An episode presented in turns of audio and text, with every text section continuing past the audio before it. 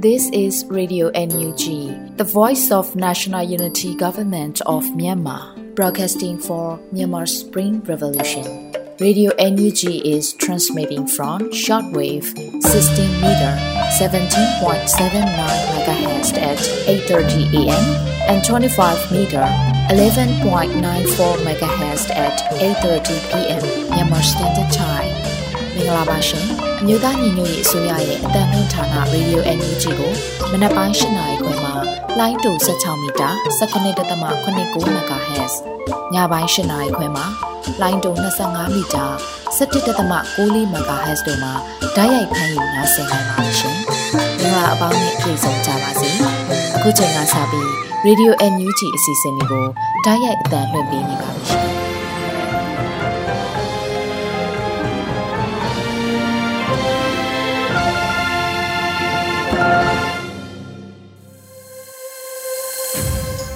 မြန်မာနိုင်ငံလူနိုင်ငံသားအပေါင်းတဘာဝဘေးဆရာနာရှင်ဘေးတို့ကနေကင်းဝေးပြီးကိုစင်တပါအေဂျင့်လုံခြုံကြပါစေလို့ Radio Energy ဖွဲ့သူဖွဲ့သားများကနှုတ်ခွန်းဆက်တာအပါရရှင်။ခုချိန်ကစပြီးပြည်တွင်းသတင်းများကိုຫນွေဦးမိုင်ကတင်ဆက်ပေးမှာဖြစ်ပါတယ်။မင်္ဂလာပါရှင်။အခုချိန်ကစပြီး Radio UNG ရဲ့နောက်ဆုံးရသတင်းများကိုဖတ်ကြားပေးပါမယ်။ဒီသတင်းများကို Radio UNG သတင်းတောင်ခံများနဲ့ခိုင်လုံတဲ့မိဖက်သတင်းရင်းမြစ်တွေစီကအခြေခံတင်ပြထားခြင်းဖြစ်ပါတယ်ရှင်။ ကျမຫນွေဦးမိုင်းပါစစ်ကောင်စီအတွက်အချိန်များများတိတ်မကြံတော့ဘူးလို့ကာကွယ်ရေးဝန်ကြီးဦးရင်မွန်ပြောဆိုတဲ့သတင်းကိုဥစွာဖတ်ကြားပေးပါမယ်စစ်ကောင်စီအတွက်အချိန်များများတိတ်မကြံတော့ဘူးလို့အမျိုးသားညီညွတ်ရေးအစိုးရကာကွယ်ရေးဝန်ကြီးဌာနပြည်ထောင်စုဝန်ကြီးဦးရင်မွန်ကမေလတွင်သတင်းဌာနတစ်ခုနဲ့တီးတန့်မြင်းမြန်းရတွင်ပြောကြားခဲ့ပါတယ် ပြည်သူကိုအကြမ်းဖက်လေလေသူတို့ဟာပြည်သူနဲ့ပိုပြီးအလန်းဝေးလေပိုပြီးတော့စစ်စုပ်ယွန်ရှာမှုကိုပိုပြီးတော့ရလေလို့ကျွန်တော်ဒီလိုပဲပြောရမယ်အဲ့တော့စစ်ကောင်စီရဲ့နောက်ဆုံးအချိန်ကတိတ်ပြီးတော့မဝေးတော့ဘူးစစ်ကောင်စီအတွက်အချိန်များများမကြံတော့ဘူးဆိုတာတော့ပြောနိုင်ပါတယ်လို့ဆိုပါတယ်ရှင် ဆက်လက်ပြီး NUG ကျန်းမာရေးဝန်ကြီးဌာန၏တနှစ်တာဆောင်ရွက်မှုလုပ်ငန်းများကိုအမျိုးသားကျန်းမာရေးကော်မတီ NHC ထံအစီရင်ခံတင်ပြသည့်အစည်းအဝေးကျင်းပတဲ့တဲ့ရင်ကိုဖတ်ကြားပေးပါမယ်။အမျိုးသားညီညွတ်ရေးအစိုးရကျန်းမာရေးဝန်ကြီးဌာန၏တနှစ်တာဆောင်ရွက်မှုလုပ်ငန်းများကိုအမျိုးသားကျန်းမာရေးကော်မတီ National Health Committee Myanmar NHC ထံသို့အစီရင်ခံတင်ပြသည့်အစည်းအဝေးကိုအွန်လိုင်းမှတဆင့်ကျင်းပခဲ့ပါတယ်။အစည်းအဝေးတွင် အမျိုးသားကျန်းမာရေးကော်မတီဥက္ကဋ္ဌပရိုမန်မန်ကအဖွင့်မှာစကားပြောကြားခဲ့ပြီးအမျိုးသားကျန်းမာရေးကော်မတီဒုတိယဥက္ကဋ္ဌတင်နှင့်ကျန်းမာရေးဝန်ကြီးဌာနပြည်ထောင်စုဝန်ကြီးပေါမောက္ခဒေါက်တာဇော်ဝေဆိုးအမျိုးသားကျန်းမာရေးကော်မတီအဖွဲ့ဝင်နဲ့ကျန်းမာရေးဝန်ကြီးဌာနဒုတိယဝန်ကြီးဒေါက်တာရွှေပုံနဲ့တာဝန်ရှိသူများကကျန်းမာရေးဝန်ကြီးဌာန၏တနှစ်တာဆောင်ရွက်မှုလုပ်ငန်းများအမျိုးသားညီညွတ်ရေးအတိုင်းပင်ခံကောင်စီ NUCC နဲ့အမျိုးသားညီညွတ်ရေးအစိုးရ NUG ကြား ချိတ်ဆက်ဆောင်ရွက်မှုများကိုအစီရင်ခံတင်ပြခဲ့ပါတယ်။ဆက်လက်၍အမျိုးသားကျန်းမာရေးကော်မတီဥက္ကဋ္ဌပရိုမန်မန်ကဦးဆောင်၍အစည်းအဝေးတက်ရောက်လာသူများက NUCC NHC နဲ့ကျန်းမာရေးဝန်ကြီးဌာနကြားဆက်လက်ချိတ်ဆက်ဆောင်ရွက်မိမဟာဗျူဟာများကိုဝိုင်းဝန်းဆွေးနွေးခဲ့ကြပါတယ်ရှင်။ဆက်လက်ပြီးစစ်တပ်နဲ့ငိမ့်ချမ်းရေးအကြံပေးလှုပ်ဆောင်ခဲ့သူတွေဟာအခုချိန်ထိတော်လှန်ရေးနဲ့လူထုကိုအထင်သေးအမြင်သေးစိတ်ရှိနေတယ်လို့ ဒုဝန်ကြီးဤတန်ဇံမောင်ပြောဆိုတဲ့သတင်းကိုဖတ်ကြားပါမယ်။မေလ9ရက်နေ့မှာအကြမ်းဖက်စစ်တပ်ရဲ့ငိမ့်ချမ်းရေးအကြံပေးဆိုသူများအကြောင်းကိုအမျိုးသားညီညွတ်ရေးအစိုးရကဒုဝန်ကြီးဤတန်ဇမောင်ကလူမှုကွန်ရက်မှာရေးသားပြောကြားခဲ့ပါတယ်။ဒီတော်လှန်ရေးမှာကောင်းတာတစ်ခုကစစ်တပ်ရဲ့အကြံပေးဆိုပြီးတချိန်ကမာနထောင်ခဲ့တဲ့သူတွေကလည်းအခုတော့သမိုင်းတရခံဖြစ်မှာဆိုလို့ရှက်တက်လာတဲ့ကိစ္စပဲ။ဒါပေမဲ့ရှက်တာရှက်တာသူတို့ရင်ထဲက စစ်တပ်ချစ်စိတ်ကိုတော့ဖျက်မရဘူးဆိုသလိုပဲကြုံရင်ကြုံသလိုတချိန်ကရွှေထီးဆောင်းခဲ့တာတွေကိုပြန်ပြန်တန်းတနေတော့ပဲပထမအဖွဲ့ကမအောင်မြင်ခဲ့တဲ့ငင်းချိုင်းလုပ်ငန်းစဉ် NCA ကိုအခုထိအောက်စင်းနဲ့ promotion ပေးနေတဲ့အဖွဲ့ဒုတိယအဖွဲ့ကမြန်မာပြည်ကြီးငိမ်းချမ်းပါစေဆိုတဲ့ group သူတို့ကနည်းနည်းတော့နှက်တယ်ဟိုဖက်ဒီဖက်တိတ်အများကြီးမပြောဘူးဘယ်သူအခြေအနေကောင်းလဲဆိုပြီးဆယ်ဝကဗျိုင်းဆောင်တယ်လို့စောင့်ကြည့်နေတဲ့အဖွဲ့ အခြေအနေတာရင်ပြည်တော့ပြန်မင်းစရာတွေတောင်ဝင်လုံးမဲ့အဖွဲ့ဘလို့ပဲ group ကွဲကွဲဒီလူတွေမှာတူတာတခုကတော်လှန်ရေးနဲ့လူထုကိုအထင်သေးတာပဲလို့ဆိုထားပါတယ်ရှင်စစ်ကောင်စီဟာဘလို့နိုင်ငံရေးဆွေးနွေးပွဲမျိုးနဲ့မှမထိုက်တန်တဲ့အတွက်ဆွေးနွေးလို့မရဘူးလို့ KNU အမြဲတမ်းဗဟိုကော်မတီဝင်ပရိုစောတော်နီကပြောကြားတဲ့သတင်းကိုဆက်လက်ဖတ်ကြားပါမယ်။မေလတွင်မှာငိမ်းချမ်းရေးနဲ့ပတ်သက်လို့သဘောထားအမြင်ကို KNU ရဲ့တရားဝင်လူမှုကွန်ရက်မှာ ပရိုစောတော်နီနဲ့အမည်ဖြေရုပ်သံမှာဖော်ပြထားပါတယ်။သူတို့နဲ့ဆွေးနွေးလို့မရဘူး။ဘာဖြစ်လို့လဲဆိုတော့သူတို့ကတရားမဝင်တဲ့သူတွေဖြစ်တယ်။ကျွန်တော်တို့ဆွေးနွေးစရာအကြောင်းမရှိဘူး။ချုပ်ပြီးတော့ပြောရရင်ကျွန်တော်တို့မသွားရဲတာမဟုတ်ဘူး။ဆဲပြတ်မကသွားရဲတယ်။ငိမ်းချမ်းရေးဆွေးနွေးပွဲဆိုတာဒါပေမဲ့ဒီလိုအချိန်ကာလမျိုးမှာစစ်ကောင်စီဟာဘယ်လိုနိုင်ငံရေးဆွေးနွေးပွဲမျိုးနဲ့မှမထိုက်တန်ဘူးဆိုတာကျွန်တော်ဒါကိုပြောချင်တယ်လို့ဆိုပါတယ်စစ်ကောင်စီဟာ ကရင်ပြည်နယ်လေးကေကုံမျိုးတက်ကိုဝင်ရောက်စီးနှင်ဖျက်ဆီးခဲ့မှုများရှိသလိုလေးချောင်းပစ်ကူများနဲ့လည်းပုံကျဲတိုက်ခိုက်ခဲ့ပါတယ်လက်ရှိမှာစစ်ကောင်စီရဲ့ဆွေးနွေးပွဲကို KNU KNPP KIO နဲ့ CNF စတဲ့အင်အားကြီးတိုင်းသားအဖွဲ့အစည်းများမတက်ရောက်ကြောင်းသတင်းထုတ်ပြန်ထားပါတယ်ရှင်။ဆက်လက်ပြီးချင်းပြည်နယ်မတူပီမှဆင်းလာသည့်စစ်ကောင်စီတပ်များနဲ့ CDF မင်းတပ်တို့25မိုင်တွင်ယနေ့မနေ့ပိုင်းမှစတင်ယူတိုက်ပွဲပြင်းထန်တဲ့တရင်ကိုဖတ်ကြားပါမယ်။ မေလ9ရက်နေ့မနေ့9:40ချိန်မှစပြီးနှစ်ဖက်အပြန်လှန်ပစ်ခတ်နေတယ်လို့ CDF မင်းတပ်တရင်နဲ့ပြန်ကြားရေးဌာနကဆိုပါတယ်။မတူပီမှဆင်းလာသည့်စစ်ကောင်စီတပ်များနဲ့ CDF မင်းတပ်တို့25မိုင်တွင်ယနေ့မနေ့9:40မိနစ်40ချိန်မှစပြီးယခုအချိန်ထိတိုက်ပွဲပြင်းထန်နေလက်ရှိပါတယ်လို့ဆိုပါတယ်။စစ်ကောင်စီတပ်များဟာချင်းပြည်နယ်ကိုနေမြေစိုးမှုရေးအသေးအတန်စ조사နေရပြီးပြည်နယ်တစ်ခုကိုထိန်းချုပ်နိုင်တဲ့အနေအထားလည်းမရှိတော့ဘူးလို့ဒေသခံများထံကစုံစမ်းသိရှိရပါတယ်ရှင်။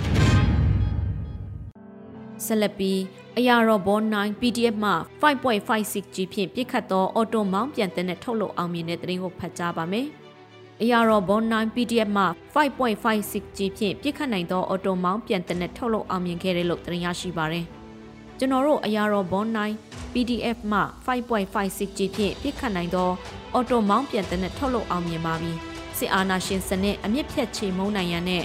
ဖက်ဒရယ်ဒီမိုကရေစီရရှိဖို့ကျွန်တော်တို့စင်ဆက်မပြတ်စ조사လာခဲ့ရာတူမီကအစတထောင်ထုံးရိုက်ဖယ်တနက်များနဲ့အခုမောင်းပြန်တနက်ထိပါတိုးမြင့်ထုတ်လာနိုင်ခဲ့ဒီမှာမိဘပြည်သူများ၏ပံ့ပိုးကူညီမှုကြောင့်သာဖြစ်ပါတယ်လို့ဆိုထားပါတယ်ရှင်။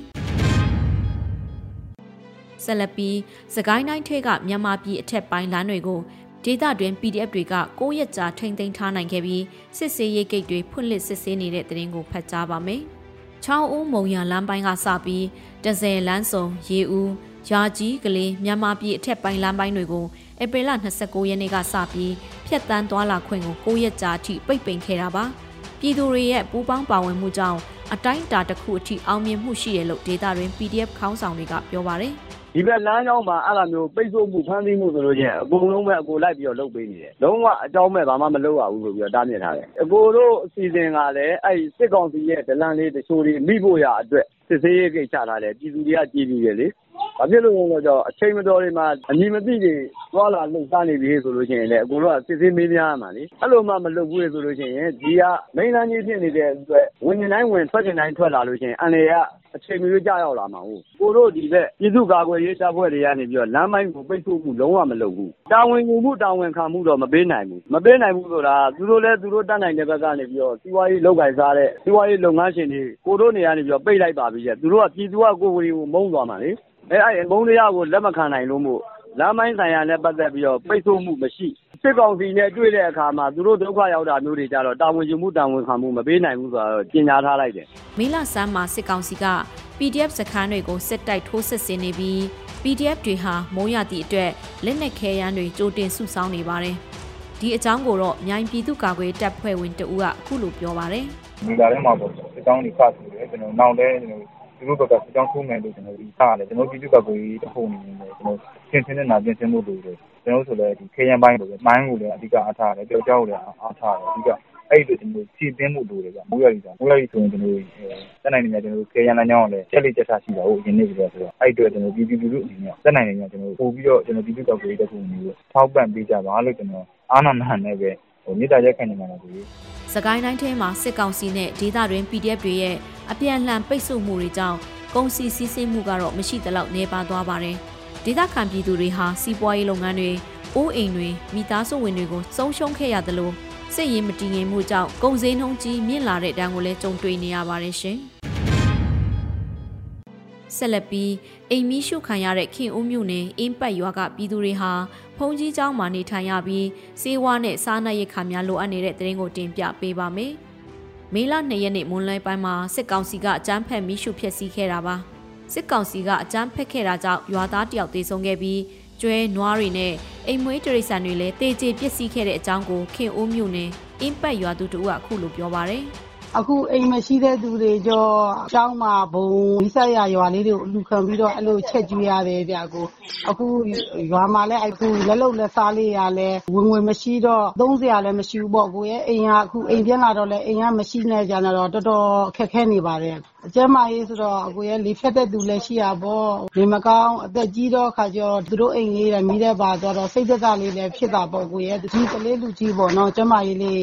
ဟိုချိုးတယ်တော့ကိုရွာတော့ငကုတော့ကြေးလက်ဆရာမ ရှိတယ်အကိုအခုကြေးလက်ဆရာမကလည်းစီဒီယန်လောက်ထားဆိုတဲ့ခါကျတော့ သူတို့ကလည်း လွတ်ရဘူးရှောင်တယ်ဆရာအခုကျတော့ ကျမတို့စီအဲ့လို ဆေးဝါးတွေပါတွေကျတော့ မလွယ်ဘူး ကျမတို့ဆရာကိုရေးဦးတော့ဝယ်ရရှင်အခုသွားတဲ့သူလေး အကြုံလေးမှာရှင်အင်ဘကဆို ဘာဆေးဆိုင်တွေဘာတွေလဲဘာမှမရှိတော့ဘူးရှင်မရောင်းလဲမရောင်းရဲတော့ရောင်းတဲ့ဆိုင်တွေလည်းအဲ့မီးတဲ့ပါဆိုတဲ့ခါကျတော့အခုရေးဦးလူကြုံရှိရင်တဘောကတသောဖို့တက်နိုင်တသောဖို့ပေါ့9000ဘိုးလေးတက်နိုင်9000ဘိုးလေးအဲ့လိုလေးတွေလူကြုံလေးရှာပြီးတော့မှားပါတယ်ရှင်ကျမတို့သူတို့လစ်တဲ့ချိန်လေးကို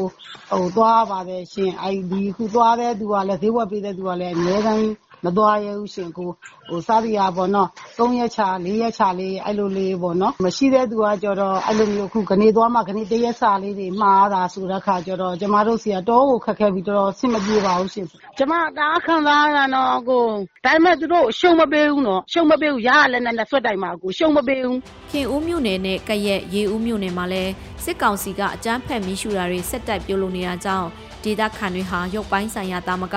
စိတ်ပိုင်းဆိုင်ရာပါထိခိုက်နေရပါတယ်။စားတောက်ကုန်တွေနဲ့အခြေခံလိုအပ်တဲ့ပစ္စည်းတွေစေဝါတွေကိုစစ်တပ်ကကန့်သက်စစ်ဆေးနေတာကြောင့်ဒေသခံတွေဟာအသက်ရှင်ရပ်တည်နိုင်ဖို့ခက်ခဲနေပါတယ်။ဒီအကြောင်းကိုတော့ရေဦးတောင်ပင်ငယ်ရွာဒေသခံတို့ကအခုလိုပြောထားပါတယ်။ကျွန်တော်တို့ရွာရဲ့ပတ်လည်မှာနှစ်ရွာပေါ့ဗျာမိရှုခံတဲ့အေဂျီ200လောက်တွေကုန်တယ်ဗျအဲ့ဒါကြောင့်မလို့ရွာလူတွေကတော့ဒီနယ်မြေမှာဆေးကြောင်းရောက်လို့ရှိရင်သူတို့ကမိရှုမယ်ပဲတွက်ပြီးအိမ်မှာရှိရတည်လို့ရတဲ့ပစ္စည်းတွေကိုတော့အကုန်တည်ထုတ်ထားတယ် စားရေးသောက်တာကတော့ အခုက လမ်းပန်းဆက်သွယ်ရေးက အဆင်မပြေတော့ ပစ္စည်းကို လွယ်လွယ်ကူကူ ဝယ်လို့မရဘူးဗျ။ကုန်ဈေးနှုန်းတွေတက်တာထက် ပစ္စည်းက လွယ်လွယ်ကူကူ မရောက်တာဗျ။ သူတို့ကတော့ PDF နဲ့ ဆက်စပ်တဲ့ ပစ္စည်းတွေပေါ့ဗျာ။အဲဒီလူတွေကိုလည်း ဖမ်းဆီးတယ်ပေါ့ဗျာ။သက်ဆိုင်တဲ့ ပစ္စည်းတွေကိုလည်း ဖမ်းဆီးတယ်။ဆန်မသယ်ရဘူး။ဘိလပ်မြေ မသယ်ရဘူး။သံပင်တို့ ရေတွင်းတူးမယ့် ပိုက်လုံးကအစ သူတို့ မသယ်ရဘူး ဖြစ်တယ်ဗျ။သူတို့ရဲ့ စစ်ကြောရေးရာပေါ့ဗျာ။သူတို့ တိုက်ခိုက်တဲ့အခါမှာ PDF တွေက ဒီရိက္ခာတွေနဲ့သုံးပြီး PDF တွေကို ကျွေးပေးမယ်။ပြည်သူလူထု ဆက်လက်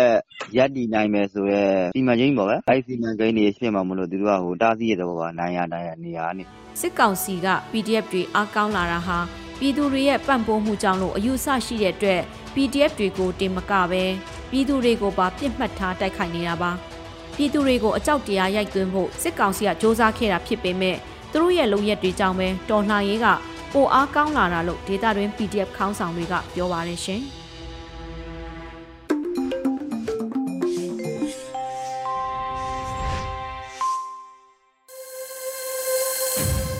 ရေဒီယို NUG မှဆက်လက်တင်ပြနေပါတယ်ခုဆက်လက်ပြီးပြည်တွင်းပြည်ပမိုးလေဝသပညာရှင်များရဲ့ဤပညာပမုံနဲ့မြို့သားညီညွတ်ရေးအစိုးရလူသားချင်းစာနာထောက်ထားရေးနဲ့ပြည်ရည်ဆိုင်ရာစီမံခန့်ခွဲရေးဦးစီးဌာနကပတ်စဉ်ပုံမှန်ထုတ်ပြန်လျက်ရှိတဲ့ရဲတရပတ်မိုးလေဝသခံမှန်းချက်များကိုအေရီကတင်ပြပေးမှာဖြစ်ပါတယ်ရှင်။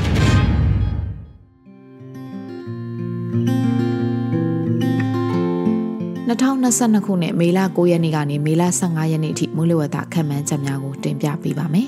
။အခုနှစ်မုတ်တုံမိုးအခြေအနေဟာလေယာလုပ်ငန်းအတွက်စိုက်ပျိုးရေးခက်ခဲနိုင်တဲ့မိုးရာသီဖြစ်ခန့်မှန်းထားကြပါတယ်။မုတ်တုံမိုးညံ့နိုင်တဲ့သဘောဖြစ်ပါတယ်။အခုလက်ရှိဖြစ်ပေါ်နေတဲ့စိုက်ကလုန်းအာဆာနီကဒီအခြေအနေကိုကျော်လွှားနိုင်မှုအတွက်မျှော်လင့်ရပါတယ်။လက်ရှိအာဆာနီဆိုင်ကလုန်းမုန်တိုင်းဟာအရှိလောင်ကြီးကျ90ဒီဂရီရဲ့အရှိဘက်19.1 E မှာတည်ရှိပြီး မြမကဲယူတဲ့ဘက်ဖြတ်ကျော်ဝင်ရောက်ရင်အနောက်တောင်မုတ်တုံလေးကိုတည်ဆောင်လာနိုင်ပြီးမုတ်တုံမိုးဦးအတွက်မိုးအသင့်အင့်ရရှိစေမှာဖြစ်ပါတယ်။တခြားတစ်ဖက်မှာတကြောပြန်အားကောင်းလာနိုင်တဲ့လာနီညာဟာ2022ခုနှစ်မေလဇွန်လတွေမှာသာမက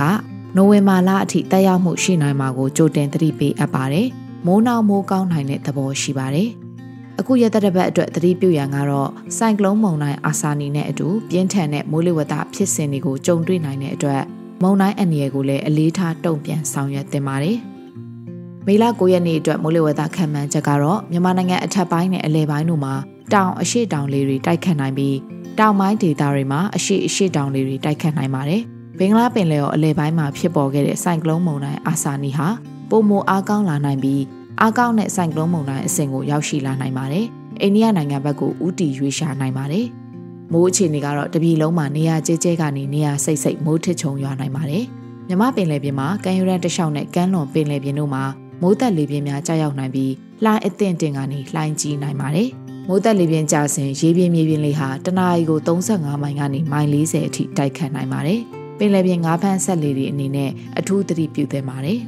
။မေလ10ရက်နေ့အတွက်ခံမှန်းချက်ကတော့မြန်မာနိုင်ငံအထက်ပိုင်းနဲ့အလဲပိုင်းတို့မှာတောင်အနောက်တောင်လေများတိုက်ခတ်နိုင်ပြီး တောင်ပိုင်းဒေသတွေမှာတောင်အရှိတောင်လေတွေတိုက်ခတ်နိုင်ပါတယ်။ဘင်္ဂလားပင်လယ်အနောက်အလဲပိုင်းမှာရောက်ရှိခဲ့တဲ့ဆိုင်ကလုန်းမုန်တိုင်းအာဆာနီဟာပုံမအားကောင်းလာနိုင်ပြီးအားကောင်းတဲ့ဆိုင်ကလုန်းမုန်တိုင်း Severe Cyclonic Storm အဆင့်သို့ရောက်လာနိုင်ပါတယ်။အိန္ဒိယနိုင်ငံအော်ရိတ်တကမ်းခြေနဲ့အပြိုင်အရှေ့မြောက်ဘက်ကိုဦးတည်ရွေ့ရှားနိုင်ပါတယ်။မြန်မာနဲ့ဘင်္ဂလားဒေ့ရှ်နိုင်ငံကြားကိုဦးတည်နိုင်ပါတယ်။မိုးအခြေအနေကတော့တပြည်လုံးမှာနေရာကျဲကျဲကနေနေရာစိတ်စိတ်မိုးထစ်ချုံရွာနိုင်ပြီး မန္တလေးတိုင်းနဲ့ရှမ်းပြည်နယ်မြောက်ပိုင်းမှာနေရာကွက်ပြီးမိုးကြီးနိုင်ပါတယ်။မြမပင်လယ်ပြင်မှာကဲယူရန်တလျှောက်နဲ့ကမ်းလွန်ပင်လယ်ပြင်တို့မှာမိုးသက်လေပြင်းများကြာရောက်နိုင်ပြီးလှိုင်းအသင့်တင်ကနေလှိုင်းကြီးနိုင်ပါတယ်။မိုးသက်လေပြင်းကျစဉ်ရေပြင်းမြေပြင်းလေးဟာတနအီကို35မိုင်ကနေမိုင်40အထိတိုက်ခတ်နိုင်ပါတယ်။ပင်လယ်ပြင်ငါးဖမ်းဆက်လေတွေအနေနဲ့အထူးသတိပြုသင့်ပါတယ်။မေလ17ရက်နေ့အတွက်ခံမှန်းချက်ကတော့မြန်မာနိုင်ငံအထက်ပိုင်းနဲ့အလဲပိုင်းတို့မှာ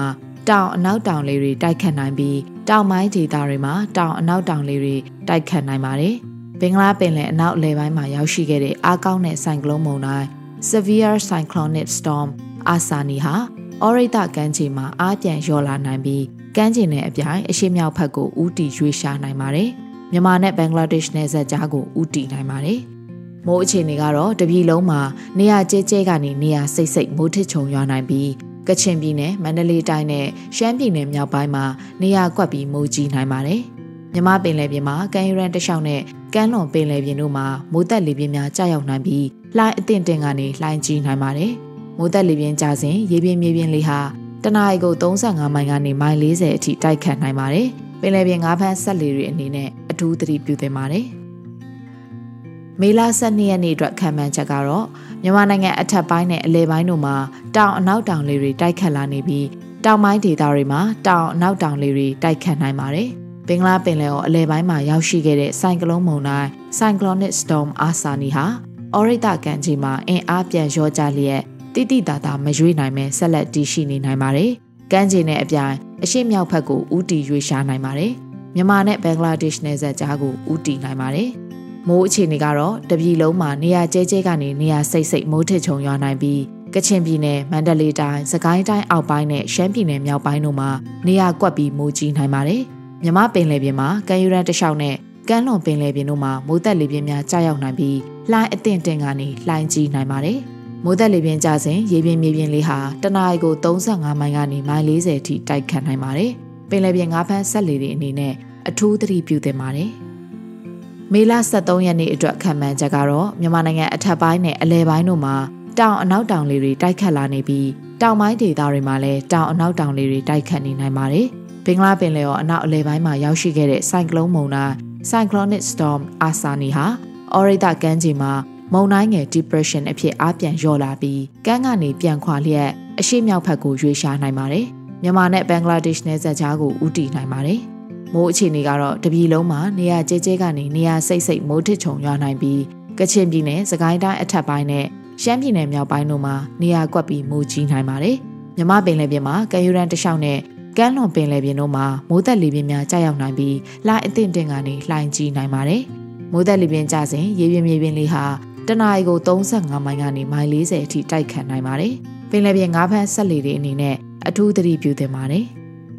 မေလ14ရက်နေ့အတွက်ခံမှန်းချက်ကတော့မြန်မာနိုင်ငံအထက်ပိုင်းနဲ့အလဲပိုင်းတို့မှာတောင်အနောက်တောင်လေတွေတိုက်ခတ်လာနေပြီးတောင်ပိုင်းဒေသတွေမှာအနောက်အနောက်တောင်လေတွေတိုက်ခတ်နေနိုင်ပါတယ်။ဘင်္ဂလားပင်လယ်အနောက်အလဲပိုင်းမှာရောက်ရှိခဲ့တဲ့မုန်တိုင်းငယ် depression ဟာအော်ရိတာကန်ကပြန်ခွာပြီးအရှိမြောက်ဘက်ကိုရွေ့ရှားနိုင်ပါတယ်။မြန်မာနဲ့ဘင်္ဂလားဒေ့ရှ်နယ်စပ်ကြားကိုဥတီနိုင်ပါတယ်။မိုးအခြေအနေကတော့တပြည်လုံးမှာနေရာကျဲကျဲကနေနေရာစိတ်စိတ်မိုးထစ်ချုံရွာနိုင်ပြီးကချင်ပြည်နယ်၊စကိုင်းတိုင်းအထက်ပိုင်း၊ရခိုင်ပြည်နယ်နဲ့ AR တိုင်းတို့မှာနေရာကွက်ပြီးမိုးကြီးနိုင်ပါတယ်မြမပင်လယ်ပြင်မှာရခိုင်ကမ်းရိုးတန်းတစ်လျှောက်နဲ့ကမ်းလွန်ပင်လယ်ပြင်တို့မှာမိုးသက်လေပြင်းများကြာရောက်နိုင်ပြီးလှိုင်းအသင့်အင့်မှလှိုင်းကြီးနိုင်ပါတယ်မိုးသက်လေပြင်းကြစဉ်ရေပြင်းမြေပြင်းလေးဟာတနအီကို35မိုင်ကနေမိုင်40အထိတိုက်ခတ်နိုင်ပါတယ်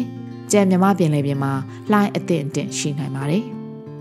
မေလ15ရက်နေ့အတွက်ခံမှန်းချက်ကတော့မြန်မာနိုင်ငံအထက်ပိုင်းနဲ့အလယ်ပိုင်းတို့မှာတောင်အနောက်တောင်လေတွေတိုက်ခတ်နေနိုင်ပြီးတောင်ပိုင်းဒေသတွေမှာအနောက်အနောက်တောင်လေတွေတိုက်ခတ်နေနိုင်ပါတယ်။ဘင်္ဂလားပင်လယ်အော်အနောက်မြောက်ပိုင်းမှာရောက်ရှိခဲ့တဲ့မုန်တိုင်းငယ်ဟာအော်ရိတာကန်ကပြန်ခွာပြီးအရှိမြောက်ဘက်ကိုဆက်လက်ရွေ့ရှားနိုင်ပါတယ်။မြန်မာနဲ့ဘင်္ဂလားဒေ့ရှ်နယ်စပ်ကြားကိုဦးတည်နိုင်ပါတယ်။မိုးအခြေအနေကတော့တပြည်လုံးမှာနေရာကျဲကျဲကနေနေရာစိတ်စိတ်မိုးထစ်ချုံရွာနိုင်ပြီးကချင်ပြည်နယ်၊စကိုင်းတိုင်းအထက်ပိုင်း၊ရှမ်းပြည်နယ်၊ ရခိုင်ပြည်နယ်နဲ့ AR တိုင်းတို့မှာနေရာကွက်ပြီးမိုးကြီးနိုင်ပါတယ်။မြမပင်လယ်ပြင်မှာရခိုင်ကမ်းရိုးတန်းတစ်လျှောက်နဲ့ကမ်းလွန်ပင်လယ်ပြင်တို့မှာမိုးသက်လေပြင်းများကြာရောက်နိုင်ပြီးလှိုင်းအသင့်တင်ကနေလှိုင်းကြီးနိုင်ပါတယ်။မိုးသက်လေပြင်းကျစဉ်ရေပြင်းမြေပြင်းလေးဟာတနအီကိုမိုင်40ကနေ45မိုင်အထိတိုက်ခတ်နိုင်ပါတယ်။ကြံမြမပင်လယ်ပြင်မှာလှိုင်းအသင့်အင့်ရှိနိုင်ပါမယ်။အဆိုပါမုန်တိုင်းငယ်ဟာမေလ18ရက်နေ့မှာဘင်္ဂလားဒေ့ရှ်နဲ့မြန်မာနိုင်ငံနယ်စပ်ကြားကိုဝင်ရောက်နိုင်မယ်လို့လည်းခန့်မှန်းထားပါတယ်ရှင်။ ဆက်လက်ပြီး2022ခုနှစ်မေလ10ရက်နေ့မှာထုတ်ပြန်တဲ့မုန်တိုင်းအာဆာနီနဲ့ပတ်သက်တဲ့မိုးလေဝသအရေးပေါ်ထုတ်ပြန်ကြေညာချက်ကိုတင်ပြပေးပါမယ်။2022ခုနှစ်မေလ9ရက်နေ့မှာဖြစ်ပေါ်နေတဲ့မုန်တိုင်းငယ်ဟာဘင်္ဂလားပင်လယ်အော်အလဲပိုင်းကိုရောက်ရှိခဲ့ပြီး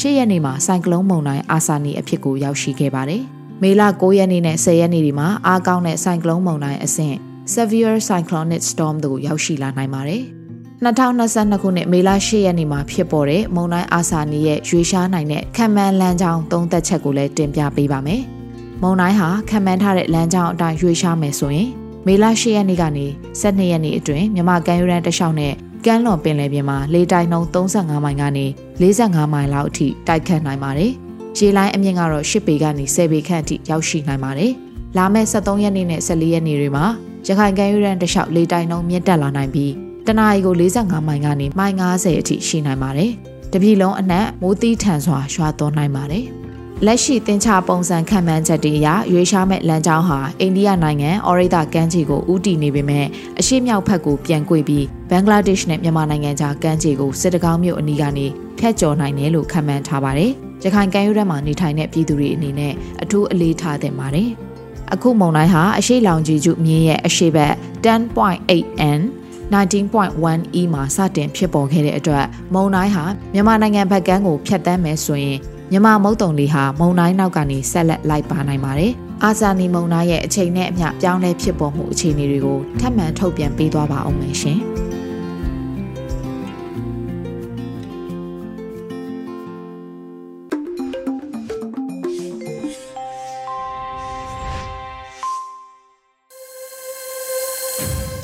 Radio Energy ကိုနားဆင်နေကြရတာပါရှင်ဆက်လက်ပြီးတိုင်းသားဘာသာစကားနဲ့ထုတ်လွှင့်မှုအစီအစဉ်မှာစကောခင်ဘာသာနဲ့ဗတ်စင်သတင်းများကိုတော့နော်နွေဦးပွင့်ကတင်ဆက်ပေးပါမယ်ရှင်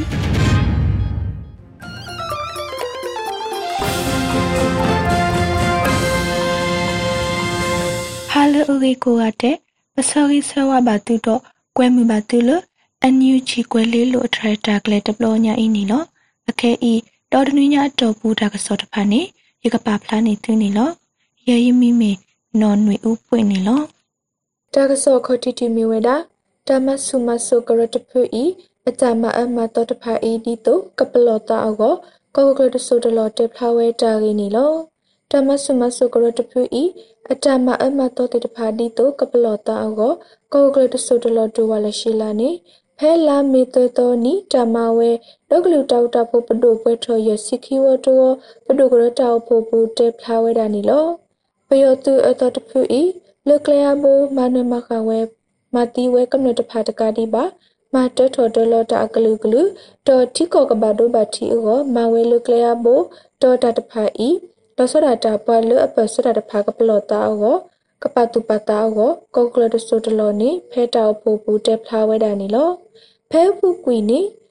မန္တလေးဝေအလန်တီပါတီကရပုတကအမာနီဘာတာဖောနီအောဝီဘာတာမတိကွီယောတော့အစုံနီဘာတာစုကွီယောဖဲဝေခတာအဝီနီပတိုနီဘာတာကစောနီလောတာကစောခီတီမီဝေတာဘလတူထော်ဝဲမေဒေါ်တာဆာဟီတရာမူဖတ်တို့ဒေါက်တာစင်တီယာမောင်နီကလီတီကိုရီးယားတိကိုဟေမာလာကပေါ်အောကွမ်ကျူပကညောခွဲရခုဖာတာရင်းနီလောဘလတုထောဝဲမေဒေါ်တာဆာဟီတရာမူဒိုဒေါက်တာစင်တီယာမောင်နေကလီတီ ကိုရီးယားတိက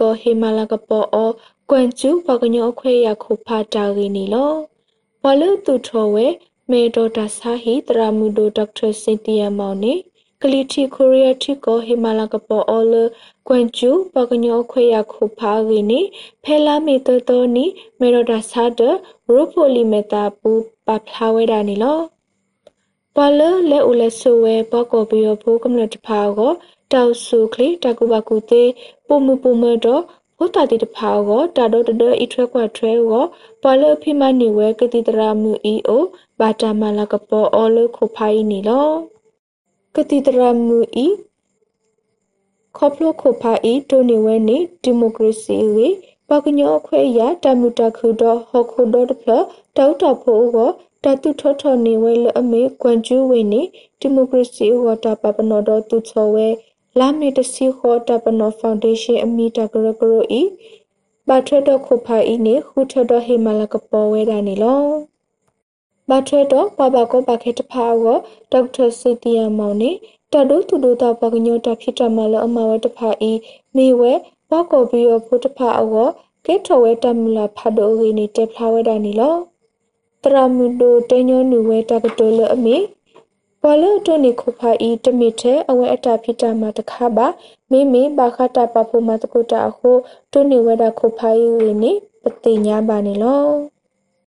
တကဆောဆုမညာတိမီဝဲတာဝေတကူနန်ထဲအကရအိုခုတော့တပစကရကတဖာအိုနေကလစ်တူတူနေနေကလိုဆေကလောတကထိုးတကရစတ်တော်ဟီရာလောဝဲတာကင်းနီလော ဖဲလာမေလူတော်နိနေဝေတကူနထရတပစကရအိုဟူတော့တပစကရကတဖာအိုနေကလစ်ထူတူနေနေကလုဆေကလတထိုတရရဆတ်ထဟီရာလောဝဲနေပတိညာမနေလောဘာမရှာတော့ဘူးကလုဆေလတဒိုနီယောတဖာဘာတဆတ်ထရာလောအတုအစုကတဝေတကူနထရတပစကရဝအကလောရေကရမန်လေးယူဂျီဝအကလောရေကရ မင်းတကပလမတူပီချောကတပစကရတဖူဝနေတဖူနေအကလောခိရဆဆူတော့ BPLA ကရအဝအကလောတကရဤပါတာဆတ်ထောရာလောအလီနီလောအိုတိုကရအကတဖာနေဤတဘီတဘအတုရှနီဝမီဝီမှာကဘောဘာတင်ညာဝဲအရီနီတက်ဖလာဝဲတာနီလောကလစ်ထူတူနေ application ဤမိဝဲတကမဆ တာပစကရတဖာအောတခုဝဲ close application တခါအရီနီပတိုးနေပါတကစောနေလောတကစောလခိကတတီမီဝဲတာမေအွန်လိုင်းနောက်စာတာဝဲမာဝဲလွတ်တရတကလက်တော့ဟေဒီတင်ညာတီဝဲ MRTV application e Google Play Store တော့ Apple Application Store တဖာသူကွေဝဲဝီမီတာလောမီထတခါအေပါတတဲဝဲတာရင်းနီလောပြောသူအတော်တဖူဤအေလတာရာလောအလအမေ MRTV Media Application e မေအွန်လိုင်းနောက်စာတာဝဲဟေဒီတင်ညာဝဲခူတော့တရတကလက်တဖာရီဝဲတတော်ဝီအလခိ Google Play Store တော့ Apple Application Store တဖာနေ MRTV application E သူပီဝဲနေပတိညာပါနေလောတာဤဘာအာဂါပါအော်ဒီမီတာလောနီတခါအတော့ဘာတာတဲဝဲတကတိပါ MRTV E ပယောတိမဆုမဆိုတာတဖာတထုထော်ရလောဝဲပါရာလောဝဲတာထဲတကဆောအကမတဖာခု တီဥကောကတတူလောဝီနေပလောအိုလိုဝေတကူပါအတာအိုတစီတကတဲဝဲတာနေလော Justice for Myanmar နဲ့ application တစ်ဖာကွဲထူထော်ဝဲတာဝေ American Company Application Web Social LLC အမီဤပပလာဝဲဝီ company နဲ့သူကွေဝဲတာ application ယူနေပတိုးနေပါတက်စောနေလောကမ္လလအဒုကနာပါကွဲလေးလို့တက်စောဤကိုရတဲ့ မောတူပါမြထောဖို့နေတကေဒီကနေ့ကတော့ဒီညနဲ့ပဲ Radio NUG ရဲ့အစီအစဉ်လေးကိုခਿੱတရနာလိုက်ပါမယ်ရှင်။မြမစံတော်ချိန်မနက်၈နာရီခွဲနဲ့ည၈နာရီခွဲအချိန်တွေမှာပြန်လည်ဆုံတွေ့ကြပါစို့။ Radio NUG ကိုမနက်ပိုင်း၈နာရီခွဲမှာလိုင်းတူ16မီတာ19.8 MHz ညပိုင်း၈နာရီခွဲမှာလိုင်းတူ25မီတာ17.6 MHz တို့မှာဓာတ် ရိုက်ဖမ်းလို့နိုင်စေနိုင်ပါပြီ။မြန်မာနိုင်ငံသူနိုင်ငံသားတွေကိုစိတ်နှပြကျန်းမာချမ်းသာလို့ဘေးကင်းလုံခြုံကြပါစေလို့ Radio NUG အဖွဲ့သူဖွဲ့သားတွေကဆုတောင်းမြတ်တာပို့တာနေပါတယ်ရှင်။မြေသားညီမတွေအစိုးရရဲ့စက်တော်ရင်သတင်းအချက်အလက်တွေလုပ်ပညာဝန်ကြီးဌာနကထုတ်လွှင့်နေတဲ့ Radio NUG ဖြစ်ပါတယ်။ San Francisco Bay Area အခြေစိုက်မြန်မာမိသားစုတွေနဲ့နိုင်ငံတကာကစေတနာရှင်တို့အားပေးနေတဲ့ရေဒီယို NUG ဖြစ်ပါတယ်။အရေးတော်ပုံအောင်ရမည်